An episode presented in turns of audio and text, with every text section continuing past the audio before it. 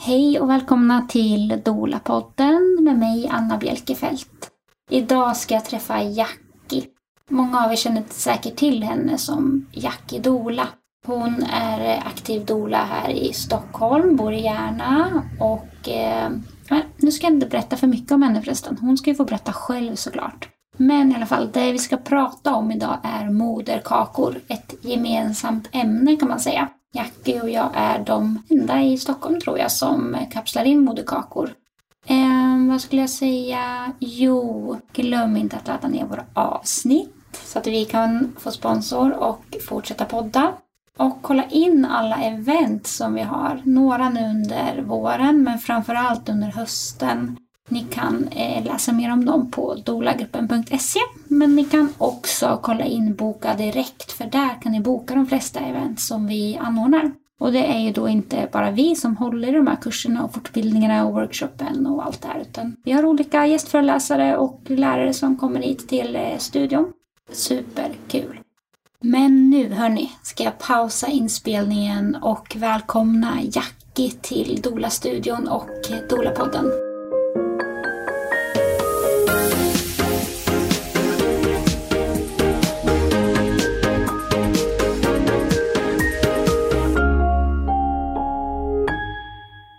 Idag ska vi prata om moderkakor. Alltså hur spännande? Jätteroligt. Välkommen Jackie, ska jag säga först. Tack så mycket, så roligt att vara här. Ja, jag började i försnacket och prata lite om dig och sen kom jag på att men varför ska jag sitta och prata om dig? Det är mycket mm. roligare om du får berätta om dig. Ja. eh, berätta vem du är. Jag heter Jackie, bor i Järna och eh, jobbar eh, huvudsakligen som dola och även som placentaspecialist. Mm. Så jag eh, eh, kapslar in moderkakor. Mm. Eh, det är en väldigt kort introduktion av mig. Mm. Eh, jag jobbar ehm, ja, på många olika sätt med, med födande. Mm, berätta lite om din hemsida och det du gör där. Min huvudsakliga hemsida heter förlossningsguiden.se och så finns jag på Instagram, eh, dola nej, Jackie understreck Dola. Eh, så där finns jag och eh, på min hemsida skriver jag eh, lite artiklar och ehm, sånt som kan vara intressant när man är gravid och ska föda barn. Jättefin hemsida. Mm, tack. Det finns väldigt mycket liksom, gott att plocka därifrån. Mm, härligt. Där kan man kika in. Även om man inte är gravid tänker jag att man, man är dola och liksom jobbar med födande mm. så är det alltid bra att ha lite ja, men koll på de doler som är väldigt aktiva mm. och eh, de som gör något, vad ska man säga, mer än att citationstecken bara dolar. Liksom. Mm. Men moderkakor då? Hur kom du in på det ämnet, området? Hur, liksom, hur började det? Um, den uh, största sparken i baken var um, när min uh, bästa kompis skulle uh, föda barn. Mm. hon skulle föda sitt andra barn och hon ville föda hemma och hon sa till mig att Eh, hon ville också eh, kapsla in sin moderkaka. Mm. Så då var det bara för mig att lära mig det. Mm. hade du hört talas om det innan? Och... Ja, jag hade mm. hört talas om det men jag visste inte alls mycket. Men, jag, men, när jag läste på så blev jag mer och mer eh, intresserad och hooked. Mm. Just eh, när jag fick lära mig vad alla dessa eh, häftiga egenskaper mm. eh, moderkakan har. Så ja, jag tycker det är så roligt idag. Och eh, verkligen tacksam och, och eh, eh, ja, det är nära att jag får eh, arbeta med det här mm. och att eh, ja, folk anlitar mig. Mm. Jätteroligt. Men när var det här? Det var 2016. Mm. Så ja, runt fyra år mm. har jag jobbat med det eh, ganska aktivt. Mm. Och ehm, Ja, men då fick jag...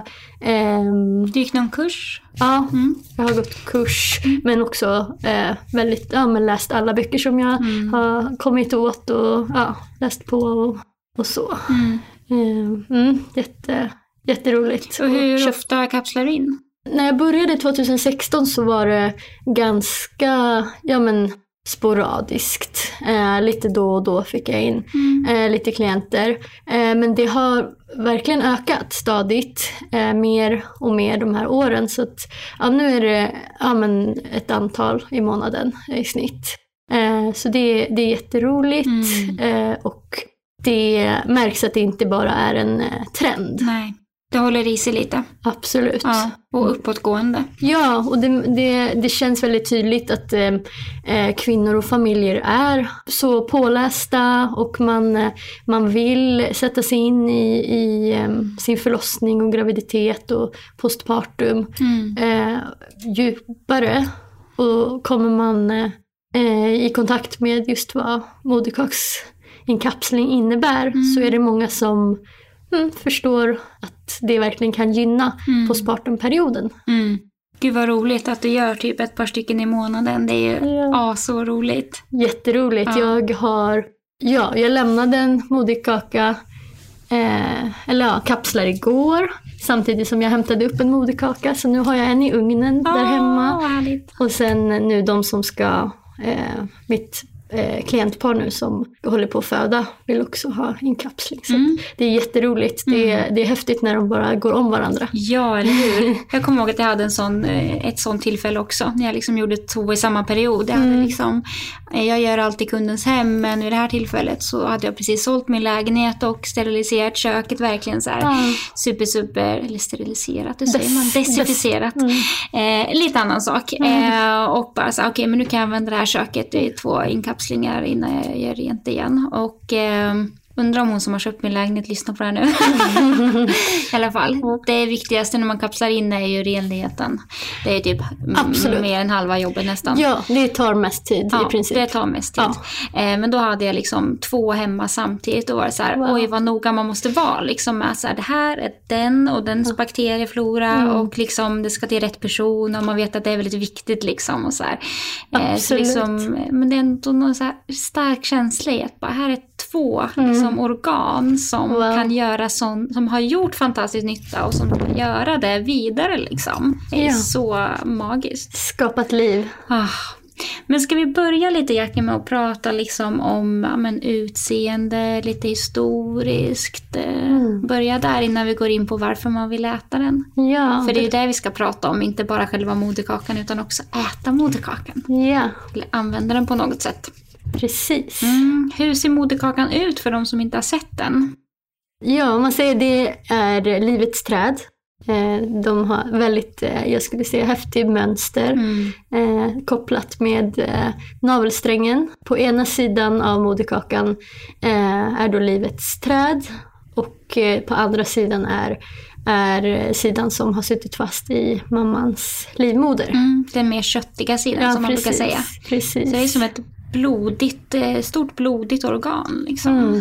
Mm. Det är, liksom, det är lite svårt att beskriva hur det ser ut, men det är liksom, ja, men om man har sett liksom eh, ett hjärta eller ett, liksom ett inre organ så Mm. förstår man att det är så lite slemmigt och blodigt och liksom, eh, men att den har två väldigt olika sidor som du beskriver. Mm. Och en hinna eh, som sitter fast Mm. eh, i den där bebisen har varit Mm. inuti. Precis, om man har fött barn så brukar barnmorskan fråga om man vill se moderkakan och då brukar de hålla upp det här lilla rummet liksom där bebisen har legat i, i fostersäcken. Eh, och tittat på det här fina trädet Precis. med blodkärlen som grenar. Och, Ja. ja, men det är vackert. Och särskilt när man vet eh, vad organet eh, har gjort och Ja. är, är till för så är det ju en väldigt, väldigt fint. mm, verkligen. Eh, storlek då? Hur stor brukar den vara? Mm. Ja, hur ska man förklara? Eh, jag brukar själv inte, jag har aldrig vägt dem. Eh, men eh, ja, runt ett halvt kilo, ett kilo generellt brukar det vara att de väger. Eh, och det är ju väldigt häftigt för det beror ju på hur eh, stor bebis är. Mm, så om det är en, precis. en stor bebis, eller en större bebis då, så är moderkakan större. Mm. Och, eh, så det, det eh, reflekterar också hur många kapslar du får. Precis. Så det, det kan jag inte svara på när, när klienterna frågar hur många kapslar det kommer Nej, bli. men exakt. För det beror ju på lite hur, hur stor bebisen är och hur stor moderkakan är. Mm. Och ibland brukar liksom föräldrar man har dolat eller så här fråga men hur, eh, hur mycket tror du att bebisen väger? Och då vill jag vänta tills moderkakan ja. har kommit ut för då kan man få lite mer information om bebisens vikt också.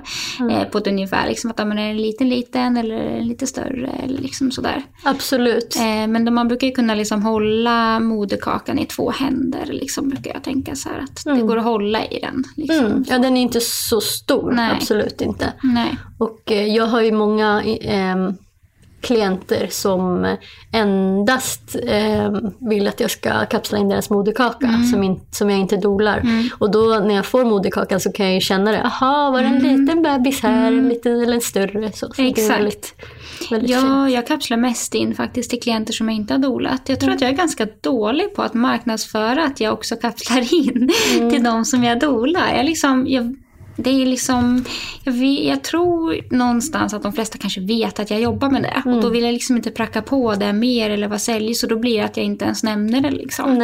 Eh, sen är det vissa ibland som, alltså det har varit flera stycken som bara, men du kapslar in, det vill jag göra. Jag bara, eh, ja just det, det gör jag. Så, så nu ska jag bli lite bättre på att marknadsföra det. Just eftersom man också vet hur många fördelar Ja, absolut. Nej, men jag kan verkligen hålla med. Och just det att, man, att inte vilja vara säljig på mm. det sättet. Men eh, vet eh, vi som sitter på information om eh, eh alla fördelar och eh, när jag eh, pratar med mina klienter just vad de har känt eller märkt mm. så ja, det är lika bra att berätta att vi kapslar in och, och ge mm. dem chansen att ja, ta del av det. Mm, precis, absolut. Eh, vill du berätta lite Jackie vad, liksom, vad, vad moderkakan gör?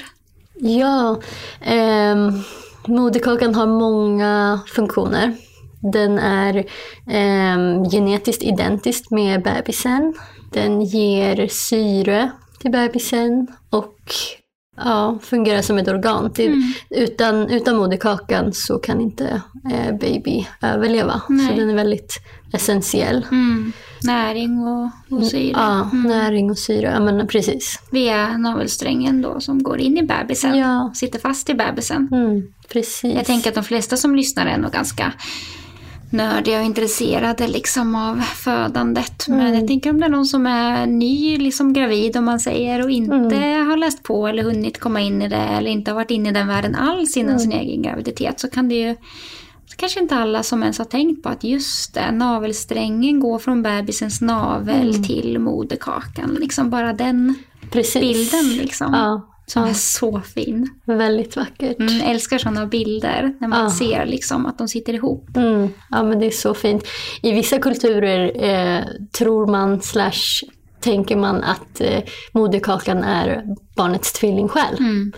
Så det är ju väldigt eh, vackert att tänka så. Mm, tänka. Något heligt liksom. Mm, mm. Absolut. Så moderkakan bildas i magen ganska tidigt i graviditeten? Ja, bara efter ett par dagar. Ja. Mm. Så börjar den bildas och växa vartefter. Ja, och den producerar hormoner, eh, flera olika hormoner som är väldigt viktiga för eh, ja, bebis ska växa och även i, eh, i graviditeten mm. för mamman. Mm. Och eh, en eh, stor myt är ju att en del har fått för sig att det är en, eh, ett filter. Just det. Som tar slaggprodukter. Precis. Mm. Eh, det är ett slags filter. Så att jag förstår att det, att det kan missuppfattas. För vad moderkakan gör är att den eh, tar upp eh, giftiga ämnen eh, som kommer från mamman. Om det, det, kan till exempel vara tobaksrök eller, eller mediciner eller sådana saker. Um, men de stannar inte där. Precis. Och den går inte till bebisen utan de fångar upp, moderkakan fångar upp toxinerna eh, så att bebisen inte får toxinerna till sig. Mm. Och sedan eh, går eh, toxinerna tillbaka till mamman. Det tycker jag är viktigt att påpeka för det är ändå en ganska vanlig fråga som man mm. får tycker jag av de som vill kapsla in men framförallt av de som kanske är lite skeptiska eller undrar mm. eller har liksom funderingar så. Mm. Eh, att man tänker att eh, men där sitter ju en massa gifter, varför skulle man vilja stoppa i sig det? Liksom? Precis. Just att det är en myt. Ja, gifterna går tillbaka. Mm. Eh, men historiskt då, vad kan vi säga där? Det här, vad har man gjort med moderkakan tidigare? Och liksom andra kulturer? Mm. Ja, eh, Det går eh, historiskt sett tillbaks jättelångt i tiden. Eh, man har kunnat läsa om eh, eh kinesiska eh, kungar och härskare som har eh, sagts äta sin moderkaka för vitalitet. Mm. även i Europa eh, så har man hittat texter där, där det står eh, i medicintexter att eh, moderkakor används för, ja, för, som medicin. Mm, på välmående sätt. liksom. Mm. Mm. Eh, och eh, ja, i, i olika kulturer fortfarande så används moderkakan på, på många olika sätt. Mm. Eh, mycket ritualer, mycket att det är eh, antingen ses som en tvillingsjäl eller ses Ja, men som någonting heligt eller någonting, bara att den är ett viktigt, just så viktigt som, som det är, mm. eller som den har varit för bebisen. Mm. Att man då eh, hedrar organet genom att eh, antingen eh, ja, göra en ritual, man kanske gräver ner den på ett speciellt ställe eller liknande. Mm. Ja, man har ju hört ganska, alltså när man har läst på och pratat med folk så att man, många som inte kanske vill äta den vill ändå liksom ha med den eller göra någonting mm. med den eller hedra på något sätt. Och, att man kan gräva ner den under ett äppelträd eller en bärbuske eller någonting mm. och sen liksom man hör så fantastiska historier om att ja, men, året efter hade det så fantastiskt mycket frukt eller bär och liksom mm. den blommade som den aldrig har blommat förut det här trädet. Så det mm. är liksom... Jättehäftigt, ja, det är magi. Verkligen. Jag mm. ångrar så mycket att jag lät dem ta min ja. moderkaka efter ja. att jag hade fött. Jag hade inte så mycket koll då som Nej, men nu. Det är ju det, det är svårt att, att ångra någonting när man inte har kunskapen eller mm. inte eller ingen har berättat för en Nej. vad det finns för möjlighet att göra. Nej. Det gäller ju egentligen allt inom, inom födandet. Mm. Eh, men just då moderkakan, att mm. eh, det finns många fina saker du kan göra med den. Mm. Ehm, och om man inte tar med den så bränner de ju bara upp den, eller mm. hur? Biologiskt avfall. Mm, precis. Eh, och djur äter ju sina moderkakor. Ja, i princip alla däggdjur mm. äter mod sin moderkaka. Eh, och det eh, spekuleras ju i varför de gör det. Eh, en del säger att ja, men det, är ju, det är jättemycket näring i den och det är järn och, och, och massa bra grejer. Och, så att de ska få energi efter en, liksom, en mm. förlossning. Men också för att ja, rovdjur inte ska kunna lukta sig till, Nej. till barnen. Precis, att dölja spåren eh, på, av födselplatsen. Precis. Mm. Och det, det kan jag tänka mig en kombination. Mm. Vi kan ju tyvärr inte riktigt fråga djuren men det Nej. hade varit spännande. Liksom. Nej, precis. Att, eh, ja, men det har väl ändå liksom, det finns ju ändå lite förklaringar men som sagt ja. det är mest spekulationer man kan ja. gissa sig till. Liksom. Och stark instinkt. Ja. Mm. Så det känns ju liksom av den anledningen inte heller helt orimligt att människan också skulle vilja göra någonting med den. Liksom. Mm. När man tänker på att vi är ändå ett, ett djur också. Absolut. Liksom. Och det har gjorts i ja. tusentals år. Mm. I, I princip alla kulturer mm. på, på olika sätt. Och det finns väldigt många berättelser och eh, gamla ja, men myter om just eh, moderkakan och vad dess härkomst mm. och och eh, ja, allt möjligt. Mm. Så det, det finns mycket att läsa om det. Eh, och hur liksom vanligt är det i Sverige att man gör något med sin moderkaka? Vet vi det? Har vi några liksom... Nej, jag tror att det är väldigt svårt att, att mm. säga. Men jag har absolut sett en, eh, en väldigt tydlig uppgång mm. bara på de här senaste fyra åren. Och så vet jag att det utbildar sig eh, några moderkaksspecialister mm. eh, lite då och då. Så um, ja, och det finns, det finns klienter. Mm. Och eh, särskilt när eh, ja, kvinnorna och familjerna läser på så är det många som, som vill testa. Mm. Eller när man hör från, eh, från någon kompis eller någon vän eller, mm. eller läser om det. Mm. Man har ingenting, eh, inte så mycket att förlora tänker jag Nej. på att testa om det är det om man är liksom intresserad eller nyfiken eller, eller sugen för. Mm. Um, ja, jag kan inte se att det är någonting negativt, att Nej. det liksom har några negativa effekter. Nej. Jag har en klient som um, hennes negativa effekt blev att det blev för mycket mjölk. Mm. och det, det är ju inte en negativ effekt utan Nej. det är ju superbra att mm. bebis får massa mjölk. Mm. Men eh, upplever man då att det blir för mycket av, mm. av eh, mjölken så mm. får man trappa ner eller, eller pausa eller mm. justera lite. Precis, intaget. Jag tänker att vi kan prata lite mer om mm. för och nackdelar. Eh, men jag tänker på mm. framfödandet av moderkakan. Mm. Det sker ju efter att bebisen är född. Eh, och eh, tidsmässigt där, liksom, det sägs ju ganska olika vad som är normalt för ja. moderkakan att komma ut. Precis. Um, och vad kan man säga, är det, är det mellan 11-15 minuter. Vad skulle du säga? Mm, alltså, min upplevelse är att det finns liksom inte riktigt, återigen inom förlossningsvården, där några nationella riktlinjer för vad som är normalt. Nej, liksom. eh, och på ett sätt kan jag tycka att ja, men på ett sätt är det bra, för att det är ju individuellt hur, mm. en, hur en kvinnas kropp jobbar. Liksom, att eh, moderkakan ska lossna och komma mm. ut. Eh, men att vissa sjukhus, på vissa sjukhus har de väldigt bråttom och det kan mm. ju bero mycket på deras press och tids, Tid. liksom, tidspress. De vill kanske gärna avsluta förlossningen och får inte lämna rummet förrän moderkakan har kommit och lite sådär. Um, så att jag tycker att många sjukhus, när jag varit på tre födslar här på tre veckor och på två av dem har det varit väldigt bråttom att få ut moderkakan mm. trots att det inte har varit någon blödning och normalt förlopp och ingen mm. medicin mm. inblandad och så. Uh, och då har de ju kanske börjat lirka med navelsträngen och trycka på magen efter en kvart. Ja. Uh, och det tycker jag är extremt tidigt. Ja, jag håller med, ehm. verkligen. Som du säger, det är all, ja, men alla är olika och alla behöver olika tid på sig, precis mm. som det är med, med förlossning. Eh, generellt kan det ta, ja men vad det nu kan ta, mellan några minuter till mm. eh, en halvtimme eller så. Mm. Men det finns en, eh, jag kommer att tänka på det nu, en obstetriker, en fransk man som heter Michel Audent. Mm. Han säger att om inte moderkakan har kommit ut inom en timme, mm. först då vill jag mm. gå och liksom känna lite försiktigt på mammas mage. Jag har för mig att han till och med sa två ah, timmar. Okej, okay. ja men det kan ja. absolut stämma. Jag har för mig att vi pratade mm. med, med Linda Morgon ah. där tidigare, att mm. han och Michael Odent har sagt till och med två timmar. Och då blev jag så här, men oj, det är inget sjukhus precis. i Stockholm som tillåter mer än en timme.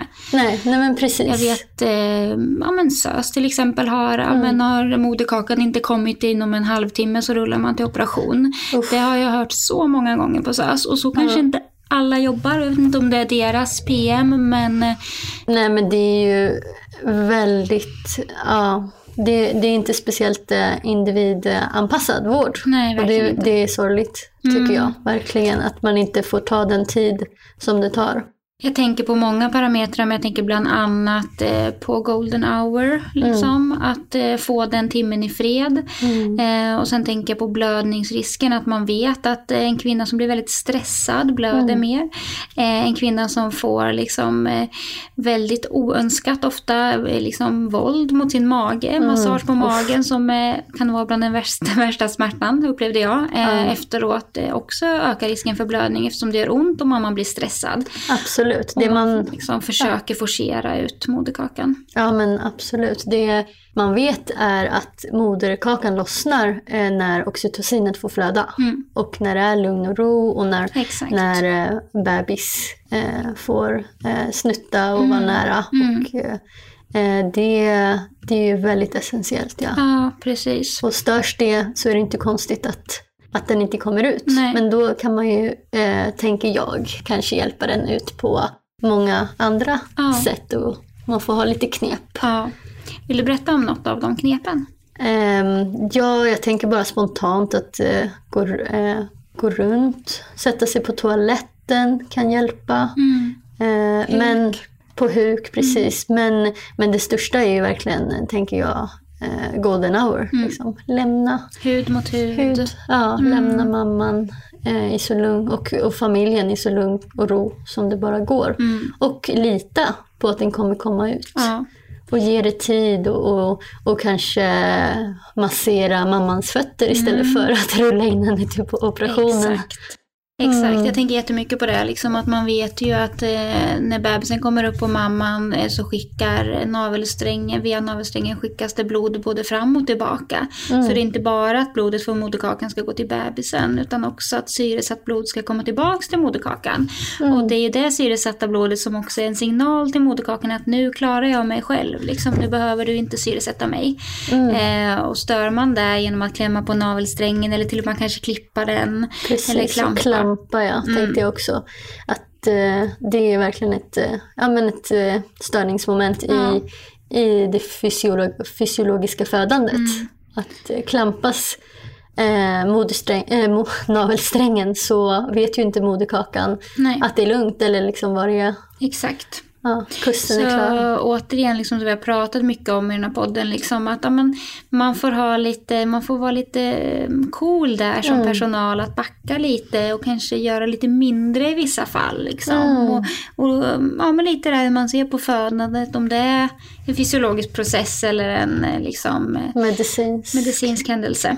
När det liksom får vara ostört och i fred, alltså. Det brukar vara så liten, liten blödning och det brukar vara så få komplikationer liksom. Ja, då funkar det ofta som det ska. Mm. Eh, och att man liksom, eh, man ska ligga, liksom, barnmorskor har lite som uppgift att ligga steget före, men det är också Mm. som balans Mm. liksom. Att så här, ja, vad är steget före, när är det för mycket? Det här med att vara rädslostyrd Mm. kan vara väldigt, väldigt farligt.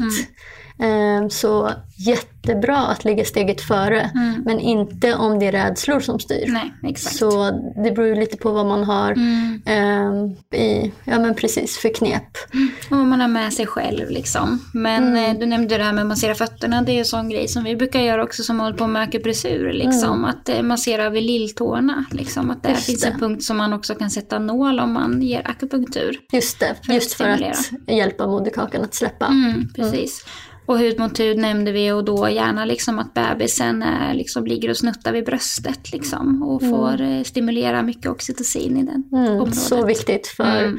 för så många detaljer Mm. i födandet. Ja. när, man liksom, när den där magiska tiden, precis när bebisen är ute, om den får vara ostörd, alltså det är så magiskt. Det är liksom från att ha varit Mm. Ja. så här jättekänslosamt och liksom mycket så som Mm. händer, kanske mycket ljud eller mycket bara så stämningen i rummet och sen bara Mm. Lägger sig allt liksom. Och folk backar och liksom, alltså det, och jag ryser när jag pratar om det. Ja, absolut. Det är det vackraste. Mm. Just den, den stunden. Ja, Det är magi. ja. Jag håller med helt. Så det, det är omöjligt att inte komma in på och prata om de där grejerna när man Nej. pratar om framfödandet. Men Absolut. det är Men, ganska vanligt ändå tycker jag att man eh, hjälper moderkakan ut Mm. när man föder på sjukhus. Vad, vad tycker du att du ser? Eh, jag ser liknande. Ja. Absolut. Eh, men eh, viktigt eh, är, ja, men bara, jag tänker bara info, information och att man, om man vet om det här innan så kan man eh, tänka på hur man vill ha det. För att det är familjens förlossning. Ja. Och vill man, vill man inte ha det på det sättet så kan man skriva det i förlossningsbrevet eller se till att eh, förlossningsstödet, eller dolan, vet hur man vill ha det. Mm. Så att man då kan eh, ja, få ha det precis som man vill. Mm. Och kanske då inte bli störd. Låta, låta processen få göra som, som det är menat. Mm. Och, eh, men för att gå tillbaks till det här eh, rädslostyrda så tänker jag, då är, ofta är det ju att man är rädd för eh, blödning. Ja. Och en, eh, ett litet knep eh, som inte är så himla känt kanske är att man kan ta en liten bit av just moderkakan och stoppa den in, in i munnen Mm. eh, för att motverka blödning. Mm. Om moderkakan har kommit ut där liksom, och Precis. man fortsätter blöda. Ja, Mm. ja, just det. Precis. precis. Eh, eller en bit av... eh, Om, ja, precis. Om, Mm. bra, ja. Så, Precis, eh, så det finns ju massa olika knep där man kan göra. Liksom, verkligen. Eh, Men det gäller ju att ha någon där som vet om och som Mm. kan liksom stötta en i att pröva de här liksom, Mm. alternativa sakerna. Eh, Jag tycker ändå liksom att det här med blödning, det är ju tyvärr också en grej som man kan ganska, man blir ganska uppskrämd av det tänker jag som födande. Att liksom blödning ser man som väldigt, mm. väldigt allvarligt men man vet samtidigt att upp till en liter är helt normalt och vissa blöder till och med lite mer men mår ändå mm. bra efter förlossningen. Ja, som, um, som gravid eh, får du ungefär 50% mer blod och det är väldigt mycket du har möjlighet och både utrymme och möjlighet för att blöda. Mm. Det är en mm. process. Mm. Eh, så om du inte blöder efter, alltså under förlossningen lite grann så kommer en, blodet komma ut i, i avslag eller Exakt. så kommer det komma ut ja, men också genom svett ja. och sånt. Ja. Så du har till godo. Mm. Så det, det är en bra grej att tänka på just eh, för att, inte, för att man inte ska eh, gå in i den rädslan. Mm. Att det, det är okej med lite blod. Mm. Och till och med, som du säger, en liter eller mer mm. är inte farligt. Nej. Jag tycker liksom att det är, ja, det är så svårt att lämna det, men jag tycker liksom mm. att det är så vanligt att eh, man runt omkring den födande blir väldigt stressad liksom, och vill ge den här oxytocinsprutan för att mm. minska blödning väldigt snabbt, fast mamman har önskat att inte få den. Oh. Jag tänker liksom, ja, men senast nu i veckan, liksom, mm. det här paret som födde, att hon fick två, han får två sprutor innan de ens vägde blodmängden. Eh, och, det... och, så fick de veta att ah, men det var ungefär 500-600 milliliter. Mm. Och jag blir så här, men Mm, hur Men, kan liksom man inte... Kolla först. Ja, kolla först eller vara lite coolare. Eller hur kan jag som liksom dola ha bättre koll på de här mm. grejerna? Jag blir lite så här. Men då, då var det så att kvinnan ville inte ha den sprutan? Hon ville inte ha den. Eh, men det de rekommenderade övergrepp. den starkt. Ja, eh, och då gav hon med sig. Liksom. Ja, det är ett övergrepp ja. att rekommendera någonting starkt när det inte är befogat. Eh, befogat. Nej, exakt. Eh, Hemskt ja. hur det ser ut. Och det ser jag tyvärr ofta. Ja. Eh, ja. Ja, det är svårt också då när man kommer in som doula när vi, vi har en speciell roll. Mm. Eh, men men eh, Mm, I varje sånt här tillfälle så lär vi ju också oss mm. någonting. Så om man tänker just ett sånt tillfälle att då ställa sig lite i vägen och nej, hon mm. vill inte ha den. Mm. Kan, ni, kan ni väga först? Men det är, inte, mm. det är inte så alltid att man kan väga hur mycket blod heller. Nej, precis. Beroende på om mamma, mamman har fött i vatten eller om det har varit olika saker sådär liksom. Mm. Men ähm, ja, det, det är svårt liksom för att man har en viss typ av roll när man går in där som dola och man måste känna att mm. hit får vi komma igen liksom. Vi doler är välkomna. Mm. Den värsta tänkbara vore ju nästan att det vore eh, ständigt coronaläge att doler mm. inte är välkomna. Tänk mm. om det skulle bestämmas liksom. Eh, det vore ju hemskt. Ja, det är ju... För att, de födande framförallt. Ja, precis. Det är ju att inte lyssna på, på behovet. Mm. Så absolut. Eh, jag har många som, en del som vill föda hemma. Mm. Har du ja, upplevt? det har absolut ökat. Jag har mm. två hemfödslar i juni. Mm. Eh, och jag har bara under min liksom, period som dola i fyra och ett halvt år haft en hemfödsel. Nu har jag två på en månad. Liksom, mm. så att, och flera som, är, eh, som pratar om det. Mm. Mm. Så att, det är eh, speciella tider ja. och att eh, kvinnorna och familjerna ja, landar i att, eh, och lär sig vart, mm. vart som är Ja, de landar i vad som är tryggast att föda helt ja, enkelt. Och, och, just nu är det hemmet för många. Och det sätts ju lite på sin spets liksom att så här, okay, men det är coronaläge eh, men det är också liksom ett tillfälle att säga okej okay, men nu måste man lyssna på kvinnorna. Var vill mm. de föda? Hur vill de föda? Är det rimligt att ta in en frisk födande kvinna på ett sjukhus där en pandemi pågår mm. och där var, var det var sjätte arbetare, medarbetare bär på smittan. Liksom. Det är helt orimligt. Eh, om man bara ser utifrån hur det ser ut precis just nu i det här mm. läget. Liksom. Men i stort och annars också. Verkligen. Absolut. Är det rimligt att, att göra den? Att liksom bestämma det. Det, det är det ju verkligen inte. Absolut. Nu kom vi från ämnet lite ja. här men det är alltid så roligt att prata med någon annan som ja. älskar samma områden. Liksom. Verkligen. Så kul eh, men, eh, men moderkakan, varför, eh, varför vill man äta den? Vad, vad får du höra liksom? Jag får höra ja, många olika anledningar. Det kan vara just, ja men moderkakan innehåller eh, mycket järn, många olika hormoner, Eh, och äter man den så upplevs ehm, mer balanserad energi. Och ehm, det är ehm, även kan förhindra postpartum depression. Flera, många klienter som eh, jag har arbetat med eh, har haft depression, både postpartum depression men också annan depression av olika slag. Eller om man har ja, men olika diagnoser i, i sitt bagage så kan just moderkakskapslarna hjälpa och stötta kroppen för att eh, ja, få en mer eh, balanserad hormonnivå. Mm. Och det är inte ovanligt, eh, även fast man inte har någon diagnos eller, eller depression i bakgrunden, så är det inte ovanligt med ja, tredjedörsgråten. Exakt, eller att, baby blues. Precis, mm. att du mm. får en dipp efter förlossningen. Det är hur normalt som helst. För som eh, höggravid har du upp till tre gånger mer hormoner än, än oss då som inte är gravida. Mm. Och sen efter förlossningen så har du en dipp på mycket lägre nivåer. Mm. Så det, det är väldigt chock mm. för systemet.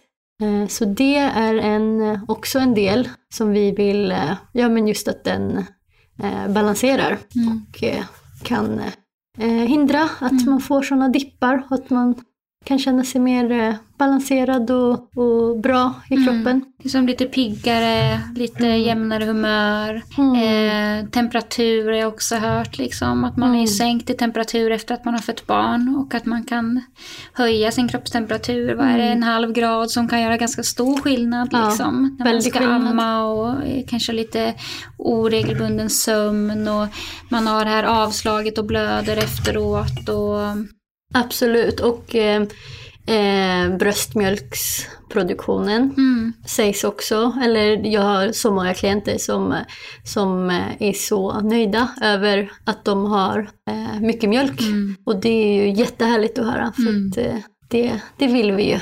Precis. Mm. Eh, så det är ju många av de anledningar att folk väljer att kapsla in och också många, ja men det är de som är liksom starka fördelar med att, att mm. kapsla in. Att man kanske inte behöver få så stark postpartum mm. eh, och inte liksom postpartum depression eller baby blues. Och, eh, att, man, eh, ja, men att man kanske är lite mer ja, men få lite mer energi och sådär. Så det är ja. liksom väldigt positiva saker som man kan uppleva. Och ja. många som jag kapslar in till tycker jag gör ungefär en i månaden är ju eh, eh, att de mådde lite sådär efter första barnet. Och mm. så har de liksom tänkt att men okej, men jag vill göra allt jag kan för att inte må så den här gången. Liksom. Och så läser mm. de på om det här och tycker kanske att det verkar spännande och så.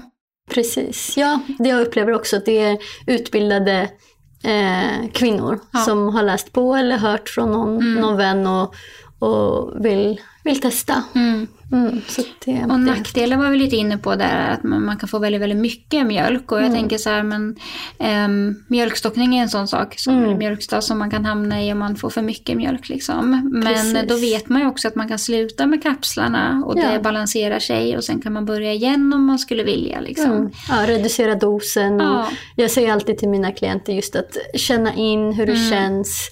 Eh, jag, kan, jag ger ja, men så in, individuellt anpassade liksom, eh, doseringsförslag. Mm. Men just att, att kvinnan själv får känna in. Exakt. Eh, om... För det är en naturprodukt och mm. på samma sätt som att man köper tranbärskapslar eller vad det nu kan vara på Life mm. eller någon mm. naturapotek liksom, så måste man själv känna, men hur mår jag av det här liksom och hur mycket behöver jag? Känner man att man mår väldigt bra så kan man ju ta färre kapslar och de mm. räcker längre till exempel. Precis. Eh, vi har inte gått samma kurs, men, så det är lite spännande att höra. Men vad fick du höra liksom, är rekommenderad dos av de här kapslarna? Generellt brukar jag säga tre stycken till tre måltider. Precis. Eh, första veckan mm. eller tio dagarna. Eh, men jag, jag har liksom nu efter att ha jobbat lite så ja, men jag har justerat det där lite grann. Mm. I, eh, ibland, eller ofta säger jag nu, kanske två men det, det beror väldigt mycket på också hur förlossningen har varit. Mm. Vad har eh, mamman för eh, anledning till att eh, ta de här kapslarna? Finns det en, eh, ja, vad är bakgrunden? Mm. Hur, ja, hur såg förlossningen ut, hur mår du nu och sådär. Precis, så de nådde de här två första dagarna som man håller på med inkapslingen. Precis, så då ibland kan, kan jag rekommendera att man tar ja, men några färre eller ja, oftast generellt så är det tre gånger tre. Precis. Och vad säger du? Ja, det är samma som jag fått lära mig. Och det är första veckan. Och sen kan man trappa ner lite och äta lite färre. Eh, och vissa kan ju bli lite så här, men åh, är det bara så här många kapslar? Det kommer ju inte räcka så länge. Men, men det jag har lärt mig är ju att det är inte antalet kapslar som är viktiga. Utan att man har fått i sig hela moderkakan. Oavsett om det är på några veckor eller på några månader. Liksom, Det är ändå mindre viktigt. Mm, absolut. Ehm, Mm. men, och du sa det här med att ja, det kan vara lite svårt att säga hur många kapslar det kan bli. Men på ett ungefär, hur många kapslar brukar du göra? För det beror lite på hur mycket man också stoppar kapslarna. Ja. Eh, hur mycket man fyller dem med pulvret och också hur stora kapslar man köper in såklart. Precis, så det är olika storlekar kan det vara på kapslarna, hur mycket de fylls. Eh, och sen har jag upplevt nu de här ehm, eh, jämfört med hur jag gjorde mitt första år och hur jag gör nu.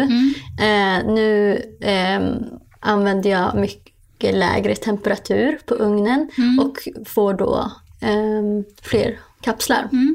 Så hmm, hur många är det? Jag, jag, har, ah, alltså jag har bara en väldigt generell hur mycket det blir. Kanske 100, ja mellan 100 och 180 kanske. Mm. Och då eh, liksom fyller du på kapslarna mycket. För när man, vi ska ju berätta lite mer sen hur det går till. Men för man kan ju liksom pressa ihop innehållet och fylla på mer och så. Ja, ganska. Ja, men jag, jag trycker till ganska bra. Eh, men sen är det ju, det är ju för mig i alla fall i princip omöjligt att få dem helt fyllda. Ja. Det är ett, alltid ett litet Ja, luftrum men där. exakt. Så. Men man har ju som liksom eh, en, eh, ja men vad kan man jämföra med för kapslar? Har folk sett sådana här vanliga kapslar? Liksom Ja som men det är som alltså vilka vitaminer som helst Mm. tänker jag som äter väldigt mycket vitaminer. Ja, precis. Så jag vet inte det är inte riktigt. sådana man liksom tuggar utan det här Nej, är liksom, de här är vegankapslar. Det är någon motorcykel här utanför tror jag. Som bullrar lite ute Ja, på. ehm, men eh, så man liksom fyller dem. Mm, och man sväljer dem hela. Vi spelar in podd här! Han står liksom här utanför. Åh nej. Det är som sådana kapslar som har liksom två delar. Så att det är liksom eh, en eh, som man fyller och en som är som ett lock som är lite mindre. Liksom. Ja, och så, så ser de ju ut för oss. Mm. Eh, som man kanske inte tänker på Nej. när man väl eh, får dem som, som kund.